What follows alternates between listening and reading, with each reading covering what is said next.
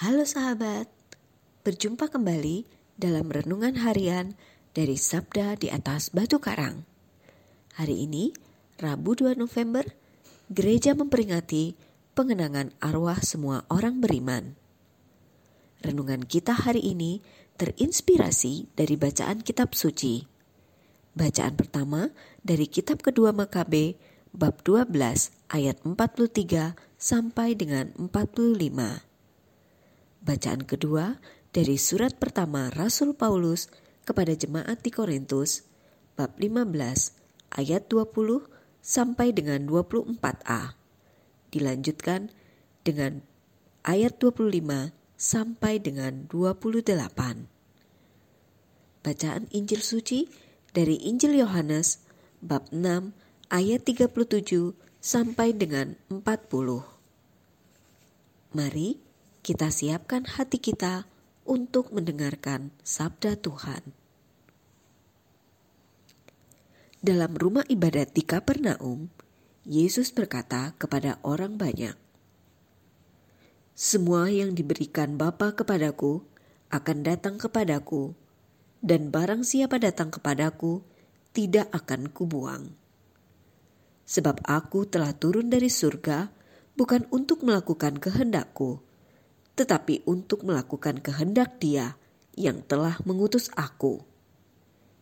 Dan inilah kehendak Dia yang telah mengutus aku, yaitu supaya dari semua yang telah diberikannya kepadaku, jangan ada yang hilang, tetapi supaya kubangkitkan pada akhir zaman. Sebab inilah kehendak Bapakku, yaitu supaya setiap orang yang melihat anak dan yang percaya kepadanya beroleh hidup yang kekal. Dan supaya aku membangkitkannya pada akhir zaman. Demikianlah sabda Tuhan. Terpujilah Kristus. Saudara-saudari yang terkasih dalam Kristus, bersama seluruh umat beriman, Kemarin kita merayakan Hari Raya Semua Orang Kudus.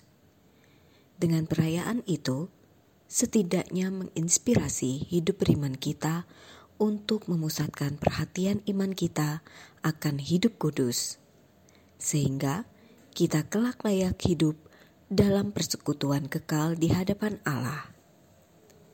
Dan hari ini kita merayakan pengenangan arwah semua orang beriman waktu yang diberikan secara khusus oleh gereja untuk mengenang dan mendoakan mereka yang telah meninggal dunia.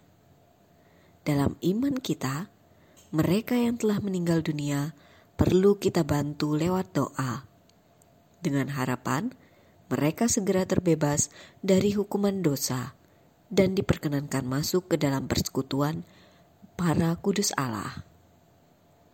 Bacaan kitab suci pada hari ini mewartakan tawaran hidup kekal bersama Allah. Sebagai orang beriman, kita percaya bahwa karena kebangkitan Kristus, maka kita pun bisa menjadi bagian dari kerajaan Allah. Sabda Tuhan hari ini memberikan gambaran bahwa zaman dan kenikmatan kebahagiaan kekal bersamanya hanya bisa diperoleh jika jiwanya bersih dari dosa. Oleh karena itu, pada hari ini adalah kesempatan baik bagi kita untuk mendoakan mereka yang telah meninggal dunia.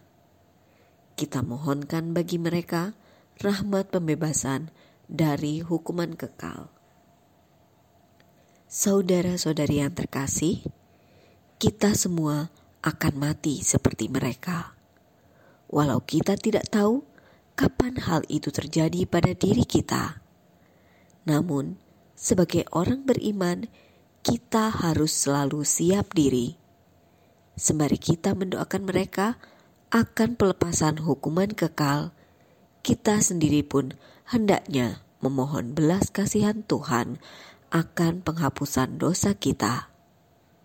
Semoga dengan kuasa Roh Kudus, kita dimampukan untuk membenci dosa-dosa kita sendiri dan mampu hidup selaras dalam kehendak Allah. Ya Yesus, Dengan pertolongan rahmatmu, semoga aku mampu memperbaiki hidupku dan tidak akan berbuat dosa lagi. Amin.